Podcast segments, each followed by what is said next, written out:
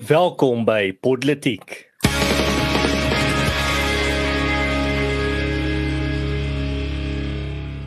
Ja, welkom by Politiek in die nuwe jaar 2023. Ons het nou 'n kort breek gevat. En in die eerste plek wil ek net vir ons kykers en luisteraars 'n voorspoedige en 'n geseënde nuwe jaar wens. En ek hoop dit gaan regtig 'n goeie jaar wees vir al die kykers en luister, luisteraars. Nou, uh, my naam is Rainer Dievenage en saam met my in die ateljee, die virtuele ateljee, is Erns van Sail en Paul Marits. En in vandag se episode, Mosambiek gruweldade, wie wens die ruiterskade ANC kies rade. So kom ons ontnons ons hierdie week se politiek. Ons begin vandag nou met 'n uh, baie baie ontstellende video wat versprei is op sosiale media. En uh, dit het gebeur in Mosambiek. Erns, kan jy vir ons 'n bietjie meer daarvan vertel? Ja, uh, Rainer, so dit is iets wat uh, definitief nie 'n video is wat ons op politiek kan speel nie. Ek dink nie die nuuskanale kon dit speel nie en is iets wat ek ook nie graag sal uh, sommer net deel nie, want dit was nogal baie steurend wat daar gesien is. So die video wat gesirkuleer het is van soldate in Mosambiek wat ehm um, lyke op 'n hoop rommel gooi en uh, daar's 'n lid van die Suid-Afrikaanse nasionale weermag ehm um, wat foto's neem van hierdie toneel ehm um, en dan jy kan ook die sit die Suid-Afrikaanse uh, vlag op een van hulle uh, se skouers sien en uh, hulle dra die een van hulle dra 'n militêre ehm um, drag van uh Suid-Afrikaanse militêre magte.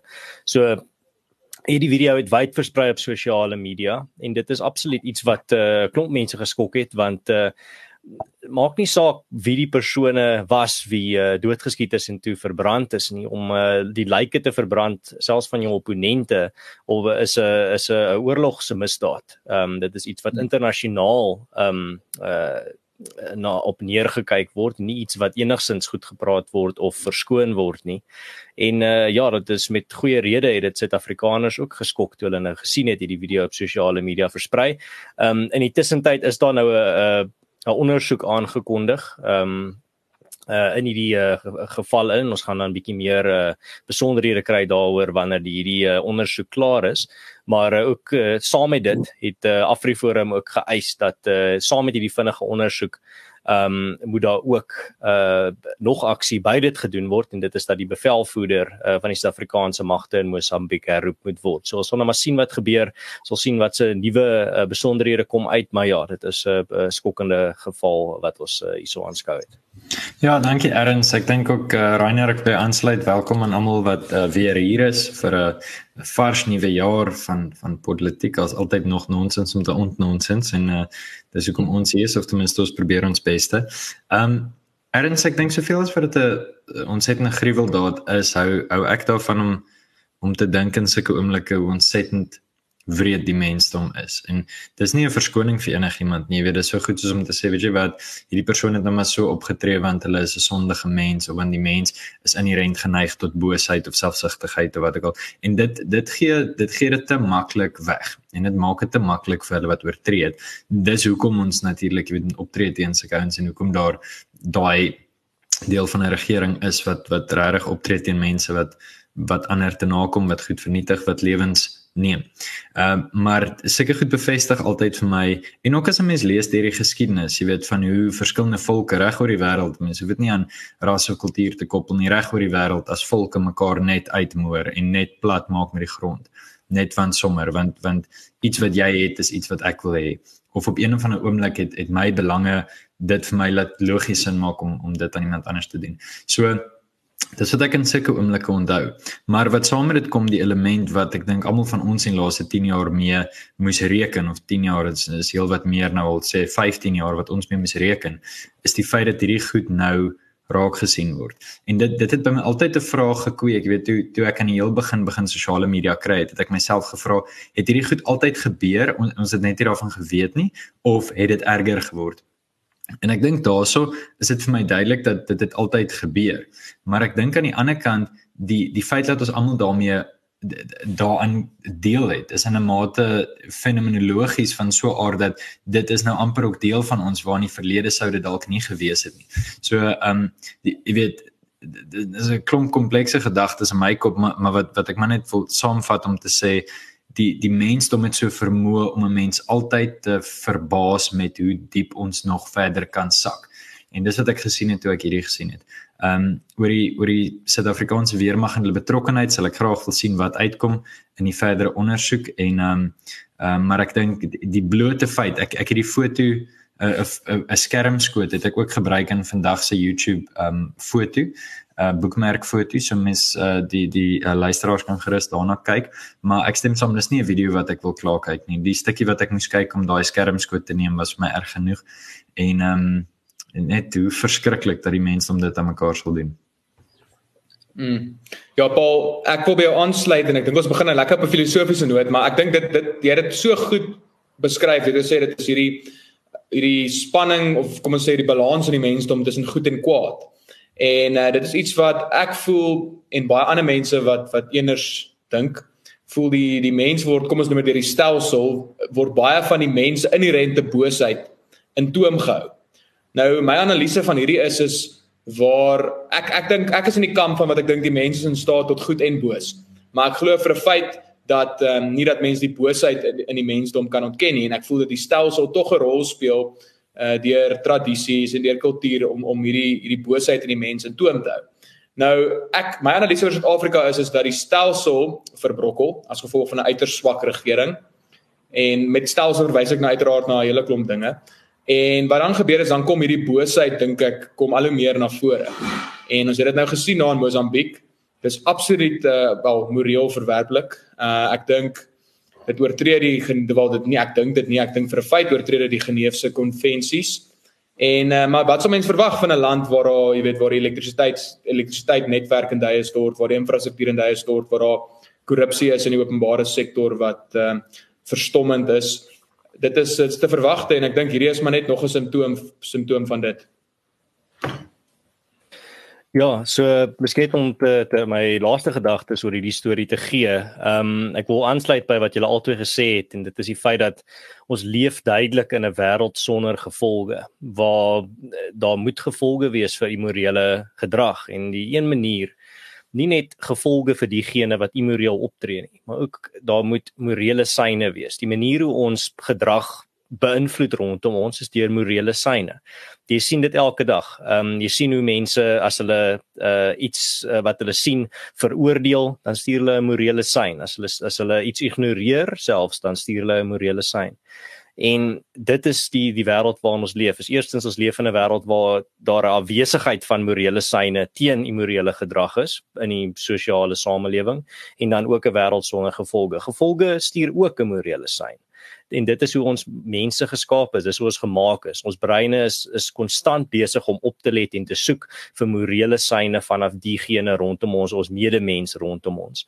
En as ons medemens rondom ons sterk genoeg uh morele sein stuur dat sekere gedrag is verkeerd, gaan ons brein of ons nou wil of nie, dadelik begin bietjie ernstiger dink oor daardie tipe gedrag en dit baie meer in 'n negatiewe lig sien. Maar as daar 'n afwesigheid van hierdie tipe morele syne is, kan ons baie maklik verval tot by die punt waar ons net immorele gedrag uh begin 'n uh, immorele gedrag begin uh doen rondom ons sonder om eers te weet dat ons besig is om verkeerd te uh, verkeerd te doen.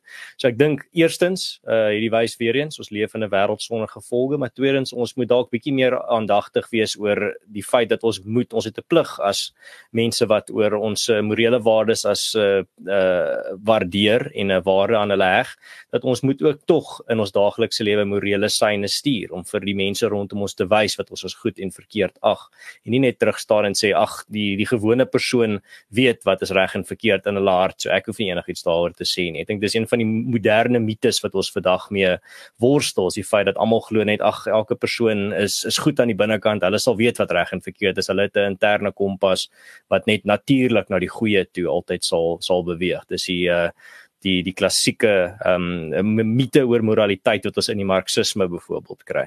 En dit is absoluut nie waar nie. Uh jy is nie outomaties gemaak om na die goeie toe te beweeg nie. Jy beweeg in die rigting waar die morele syne van jou tyd jou druk en uh, vir jou sê wat reg en verkeerd is. Ehm um, maar ja, dit dit daar gelos. Ehm um, nog uh, gespreek van nog 'n storie wat skok al is daar nie krag nie. Ehm um, daar's bietjie uh, iets by uh, in die Ryter uh, se se hoek van Suid-Afrika of in uh, iets wat rondom hom gebeur het Rainer wat uh, nogal skokkend was. Ehm um, en jy het vir ons meer uh, besonderhede daaroor om met ons te deel. Ja, van een verwerplike storie na die volgende. Nou hierdie is ook ek dink dit is omtrent die grootste nuus storie van die laaste dae sedert die nuwe jaar aangebreek het en dit handel natuurlik oor Andre de Ruyter, die voormalige uitvoerende hoof van Eskom. Ehm um, de Ruyter het 'n beweerde aanslag op sy lewe oorleef. Hy het aan News24 gesê dat dokters op 13 Desember verhoogde vlakke van sianiet in sy bloed gevind het. Sianiet is natuurlik uh, 'n uh, gifstof wat uh, met mense se dood kan veroorsaak. Die ryter het op 12 Desember sy bedanking ingedien, maar dit eers 2 dae later aan die publiek bekend geword. Daar's egter berig dat 'n ryter siek geword het nadat hy 'n koppie koffie gedrink het by Eskom se kantore in Sunninghill. Hy is toe na die dokter geneem waar hy gediagnoseer is met sianietvergiftiging. Hy het voor dit ook gebraak, gebewe, kon nie loop nie en hy het in mekaar gesak. Ehm uh, die ryter het dan ook as gevolg van hierdie sianiet wat in sy bloed gevind is, is in Januarie van hierdie jaar was die was die 15 Januarie as ek dit mis het nie 'n strafsaak geopen. Uh so daar's nou baie spekulasie rondom wat wat agter hierdie vergiftiging sit. Uh vandag het ek 'n artikel gelees dat hulle sê dit is 'n poging om die ryter se opvolger te intimideer. En Ramaphosa het ook gesê hy het, hy, het nie hy het nie regtig ek het hom nie hoor praat oor die ryter se se se vergiftiging nie of na bewering dat bereiter die ryter begiftig is vergiftig is nie maar hy het wel gesê dat die ryter bedank het omdat die werk by Eskom eenvoudig vir hom te moeilik was.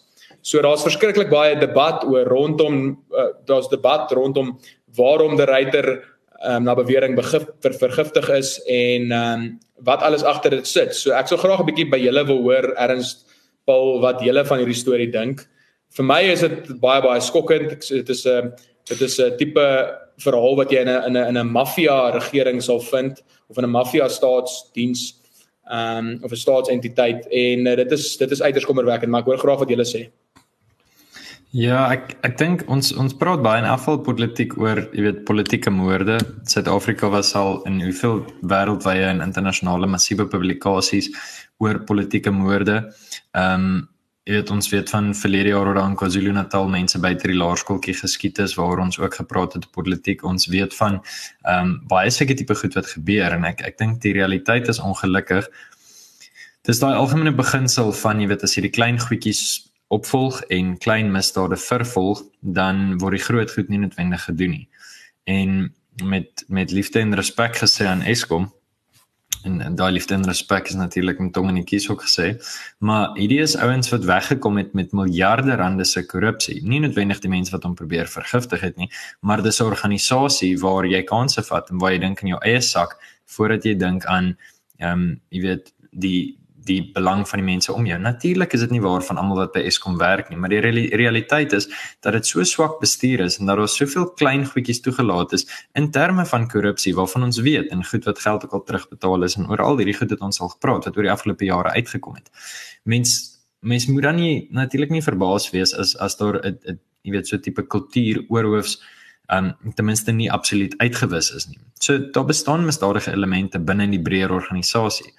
En wanneer klein goedjies toegelaat word, dan is dit 'n klein stapie om te pleeg om te sê, maar wat's nou volgende? Jy weet, ek het nou klaar een reël oortree, kom ek oortree nog 'n reël, kom ek vat nog 'n tree verder. En ek dink ongelukkig as dit so sou wees dat iemand hom probeer vergiftig het en ek bedoel die die die getuienis ehm um, wys daarin. Ehm um, as as dit die geval sou wees dan moet ek vir jou sê dit is ontsettend hartseer en ek dink dit behoort 'n ingryp te wees vir die wêreld en ook vir die gemiddelde Suid-Afrikaner om te besef, jy weet hierdie is ernstig. Die goed wat die ryter weet en die goed wat hy gesien het en die mense wat hom, jy weet, aktief probeer saboteer het en dit nog steeds doen Hulle bestaan. Dis nie hy wat dit uitgedink het en gesê het hoorie ek kan nie meer werk doen nie. Dis aktief elemente wat en en en ek meen mense hoef nie een of ander samesweringsteorie te glo om net te te kan sien daar is mense wat wil hê Eskom nie werk nie. En wie is daai mense? Wel, dis die mense wat die diesel verkoop byvoorbeeld van die oomblik wat jy nie steenkool kan kry nie met jy die die generator met diesel aan die gang. Ek beskuldig niemand nie. Ek sê maar net dis redelik vir die hand liggend as mense wat geld uitmaak. Selfde met instandhouding. As instandhouding 'n jaar vat, dan kan 'n klomp mense werk. As dit 3 maande vat, dan het daai mense dalk 'n kwart van die inkomste. So daar is 'n belang daarbey om wetteloos te wees. Natuurlik, anders sou mense nie wette oortree het nie. Jy kan wins maak op 'n eerlike manier. Dit kan die mense nog altyd gedoen het. Ehm um, so jy weet, ek is nie dit is natuurlik skokkend. Dit is natuurlik baie sleg, maar ek moet vir eerlik sê, toe ek dit lees, toe het ek nie gegaan, oh, "Nee, dit kan nie wees nie." Dit ek gedink, o, okay, so dis nou die volgende ding. En ehm um, ja, ek weet nie, miskien moet mense dan maar as 'n reël koffie by die huis maak en in uit 'n fles uit drink as jy as jy in die topbestuur van 'n Suid-Afrikaanse ehm um, semi-staatsorganisasie staan. Ek weet ek sal water uit my botteltjie uit drink, jy weet, en sellotape omplak elke keer as ek die kamer verlaat of sommer my bottel net aan my vashou, jy weet 'n jeupflesie. 'n uh, ou jeupflesie. Ehm um, maar goed, nee, ek dit ja, as ek sê dit is dis dis skokkend, maar ek's nie te verbaas nie. Hmm. Ek het ook baie van daai teorie gehoor dat ehm um, hierdie is om sy opvolger te intimideer, maar ek uh, persoonlik dink nie dit is die geval nie. My gevoel is dat eh uh, die Reiter se opvolger is am gaan amper is amper gewaarborg dat sy opvolger gaan in die sak van die ANC wees en gaan lojaal wees uh, aan die ANC. Ek dink nie hulle gaan nou sommer 'n uh, in baie groot aanhalingstekens 'n rebel uh of 'n uh, buitestander uh as die ehm um, uh volgende hoof van Eskom aanstel nie. Ek dink dit gaan maar 'n 'n ja man of 'n ja broer wees. Nou wat uh, ek dink ook wat meer uh wat my teorie sal wees is as dit nie gaan oor om intimidasie nie is dit dalk om te verhoed soos jy nou aangeraak het Paul dat uh die ryter weet te veel hy het agter die gordyn gekyk hy het uh hy het in die kar uh, onder die kar se uh uh, in die kar se se binnegoed ingekyk gesien wat verkeerd is. En uh, hy het hy weet dalk 'n klomp name dalk het hy 'n lys van name van mense wie hy dink agter hierdie goed sit men en dalk weet die ryter of het hy 'n goeie idee van wie dalk vir hom sou probeer vermoor of me iemand wat uh, vir hom uit die pad uit sou wil hê. Dalk het hy sy vermoedens dalk het hy onlangs met iemand gesels oor uh, mense wie hy dalk verhoed uh, vermoed ehm um, uh, hulle uh, agter hierdie goed sit soos van die goed wat jy nou gespekuleer het Paul. Al hierdie goed is moontlik en ek dink dit is dalk die rede hoekom hulle hom uit die pad het sou wil hê dat nou dat hy weg is by Eskom, dat hy nie nou nou dat hy nie meer vas is aan Eskom nie, dat hy nou eintlik maar net sê ag wat nou gaan ek maar uh, in my private hoedanigheid as 'n burger van die land my uh, my rol doen om te wys vinger te wys na wie uh, wie uh, die korrupsie pleeg en wie besig om geld te maak uit hierdie um, Eskom storie uit. Dalk uh, dalk wil hy 'n boek skryf, dalk wil hy 'n groot onthulling doen, wie weet. Ehm um, maar dit sal dit sal my uh, spekulasie wees. Ehm um, wel Rainer, het jy nog enige finale gedagtes hierso of ehm um, dink jy ons kan na die volgende uh, volgende storie toe oors uh, oorslaan? Uh nee Paul, ek uh, nee erns jammer, ek dink ek het nou heeltemal genoeg hieroor gepraat. Uh hierdie eerste twee stories was nogal sieldodend. Selfs um volgens die standaarde wat ons gewoonlik hier by by politiek het, want ons praat mos maar oor die ernstige kwessies. Um maar ja, ek dink ons gaan nou maar oorbeweeg na nog 'n interessante moontlik ook um skokkende storie of kom ons sê katastrofiese storie en dit is die ANC se verkiesing en die ANC se se ehm um, die die rade wat die ANC verkies het. Yes, dankie. Ag, ehm um, so Karels ons ons bou al 'n rukkie op na hierdie een toe. En met 'n rukkie bedoel ek regtig, ons het seker omtrent 18 maande gepraat oor die ANC se verkiesing einde 2022. Ehm um, en spesifiek hoekom ek dit sê is want die oom en dit kan meer as 18 maande wees. Die oomblik toe die hele ding tussen Ramaphosa en Magashule op die spits gedryf word toe sê 'n klomp mense in die media en insluitend politiek, toe sê ons daai tyd dat Ramaphosa gaan die Magashule hoofstuk wil toemaak voor die 2022 verkiesing want dit kan vir 'n groot opponent wees, 'n belangrike opponent wees en so aan. Ehm um, dieselfde met die Mkhize hoofstuk alhoewel hulle dit nie noodwendig heeltemal afgesluit het voor die voor die ANC se nasionale konferensie nie, maar miskien tydens die konferensie. Ek gaan so 'n bietjie in detail induik want ek dink dit is belangrik. So net om bietjie die die die lyne te trek en dit is belangrik as jy gereeld politiek luister dan dan het jy die tendense opgetel. As jy gereeld lees wat in Suid-Afrika aangaan goed. Maar vir die ou wat net jy weet jy is besig met jou werk en so net ek gaan dit net vinnig opsom. Die waarskynlikheid dat die ANC bo 50% gaan kry in die 2024 verkiesing is natuurlik nie nul nie. Daar's 'n goeie kans dat hulle nog steeds op hulle eie kan regeer. Maar selfs al kry hulle minder as 50% en moet met ander woorde in koalisie met iemand soos die EFF of 'n kleiner party reageer of regeer bedoel ek, dan is dit nog steeds van belang ehm um, want die ANC gaan nog steeds 'n leidende rol speel. Selfs onder die absoluut katas mees katastrofale omstandighede gaan die ANC miskien nog steeds iets soos 35 of 40 of selfs ja 35 40% van die van die stem op hulle trek. Ek vermoed dit gaan meer as dit wees. Maar al was dit so min, is hulle nog steeds 80% van 'n koalisie. So, ehm, die leiers van die ANC nou verkies het gaan 'n groot rol speel in Suid-Afrika vir ten minste die volgende 7 jaar of so. Uh wat ook belangrik is is na die ANC se nasionale konferensies is die mense wat nie ten poste ingeneig om die wat uit die poste uitgeskuif is te vervang. So ons dink aan meneer Ramaphosa wat binne 6 weke of of 2 maande na die vorige konferensie vir meneer Zuma vervang het as president en dit gebeur natuurlik op die laer vlakke ook. So dit is agtergrond van hoekom hierdie belangrik was. Nou goed, die ANC het gewoonlik 'n top 6 uh en getrou aan hulle eie manier om die wêreld te te sien, het hulle nou dit verbreed en nog amptenare aangestel, so hulle het nou top 7. Nie verbaas daaroor nie. En ehm um, die top 7 is is aangekondig, so ek gaan baie vinnig net uh ietsie daaroor sê. So President Ramaphosa as herkies as die president van die ANC. Nou daar was omtrent 4200 is 'n bietjie meer 4250 mense wat gestem het of nee ekskuus 4350 mense wat wat gestem het en so 2400 van hierdie stemme is op president Ramaphosa dan nou geplaas. Dit beteken hy het omtrent jy weet met 600 stemme bietjie minder 550 stemme gewen teen Dr. Zweli Mkhize. Uh hier gaan ek nou nou ietsie sê maar dis dis eintlik nog 'n klein bietjie kommerwekkend. Dan in terme van uh, die adjunkt presidentskap Ehm um, en en adjunk as adjunk president van uh van die van die party is verkies Paul Mashatile. Hy was voormalig die premier van Gauteng. Uh oor hom kan 'n mens nou 'n klomp goed sê. Ek gaan nie noodwendig nou te veel oor hom uitbrei nie.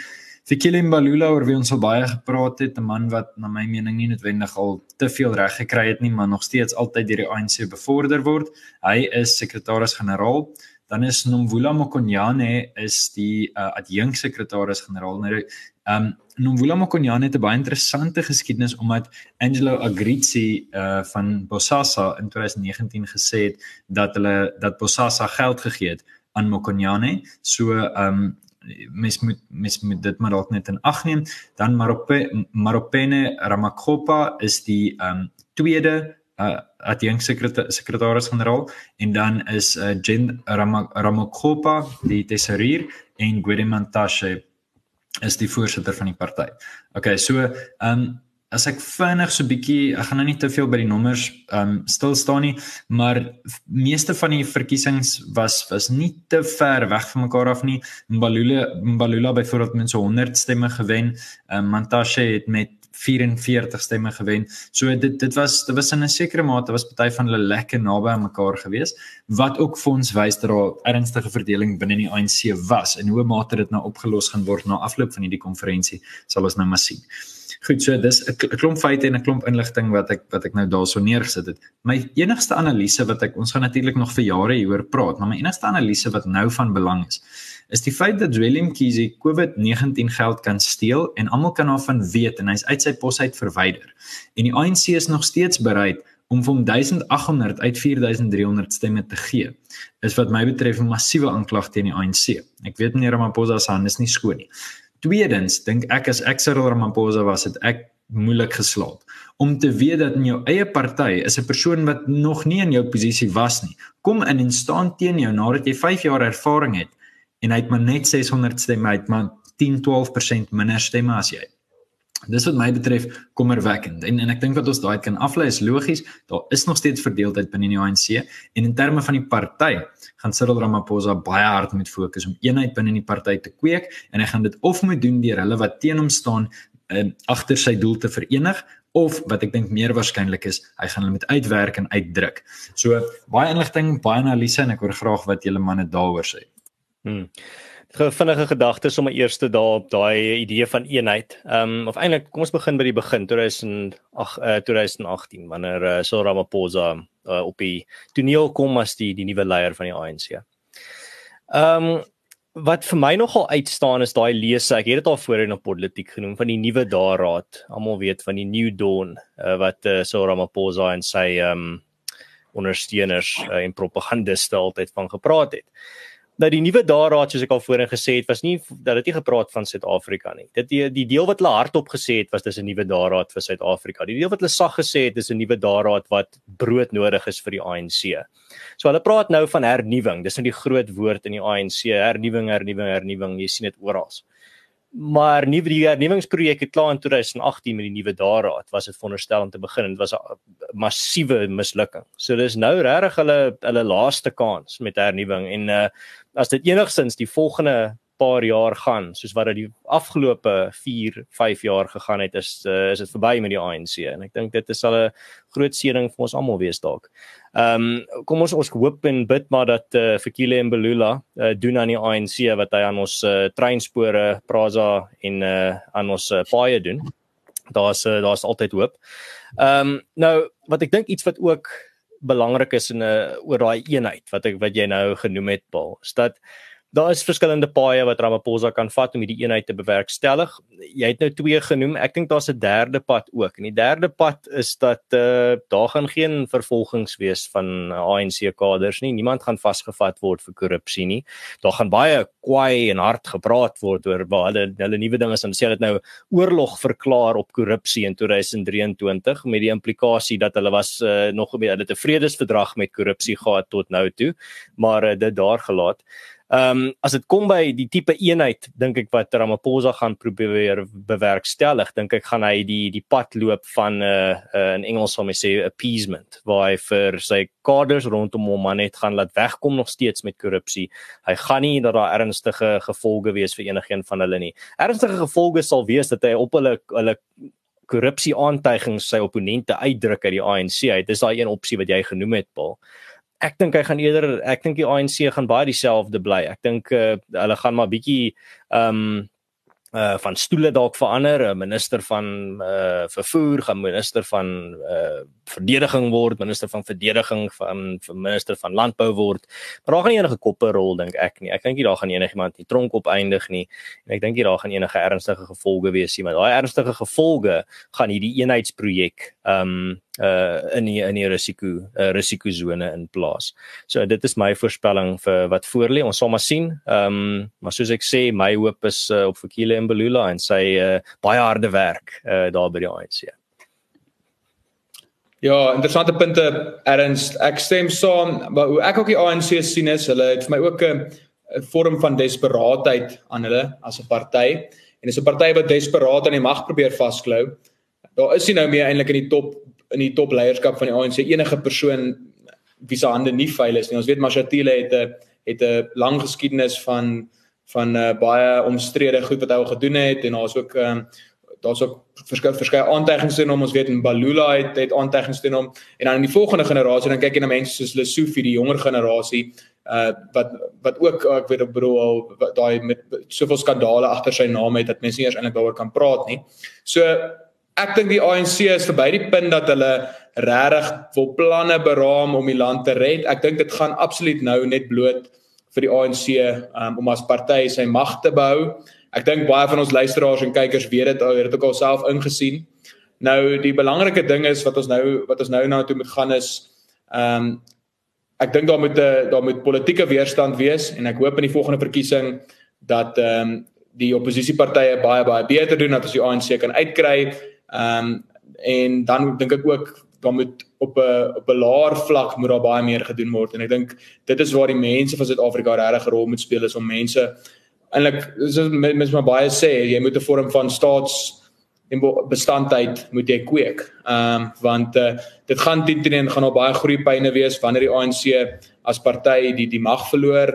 Daar's faktore soos die EFF wat in my boek, my persoonlike opinie nog slegter as die ANC is wat moontlik in 'n koalisie kan gaan met die ANC en dit is goed waarvoor mense uh, jy weet mense moet voorbereid wees op hierdie op hierdie tipe dinge wat kan gebeur in die toekoms. Maar uh, ek voel met hierdie tipe politiek Ehm um, dit kan nie so voortgaan nie en ek dink ehm um, selfs die ANC se ondersteuningsbasis ehm um, gaan ook begin dit dit gaan al hoe swakker en swakker begin word. Ons sien dit reeds. Nou daar is steeds 'n houvas wat die ANC op mense het, maar ek voel uh dis is dit nou aangaan. Ek kan nie sien dis eintlik jy weet dit wys net watter tipe houvas die ANC op mense het dat hulle hoegenaamd nog voorspel word om naby aan 50% van die steun te kry in 2024. Maar dis ook nou weer 'n hele ander debat, wie moet 2024 wen? Ek weet daar's baie mense wat sê die ANC moet moet moet eerder 50% kry sodat hulle nie in koalisie kan sal gaan met die EFF nie. Dis 'n hele nuwe debat. So dis definitief nie 'n een eenvoudige storie hierdie nie. Maar um, ek hoop is iets wat ons 'n bietjie um, uiteen kan sit vir die luisteraars. Ja, sê dankie Karels. Um, nou ja, soos soos koffiebreke by Eskom is hierdie episode ook vir eers verby.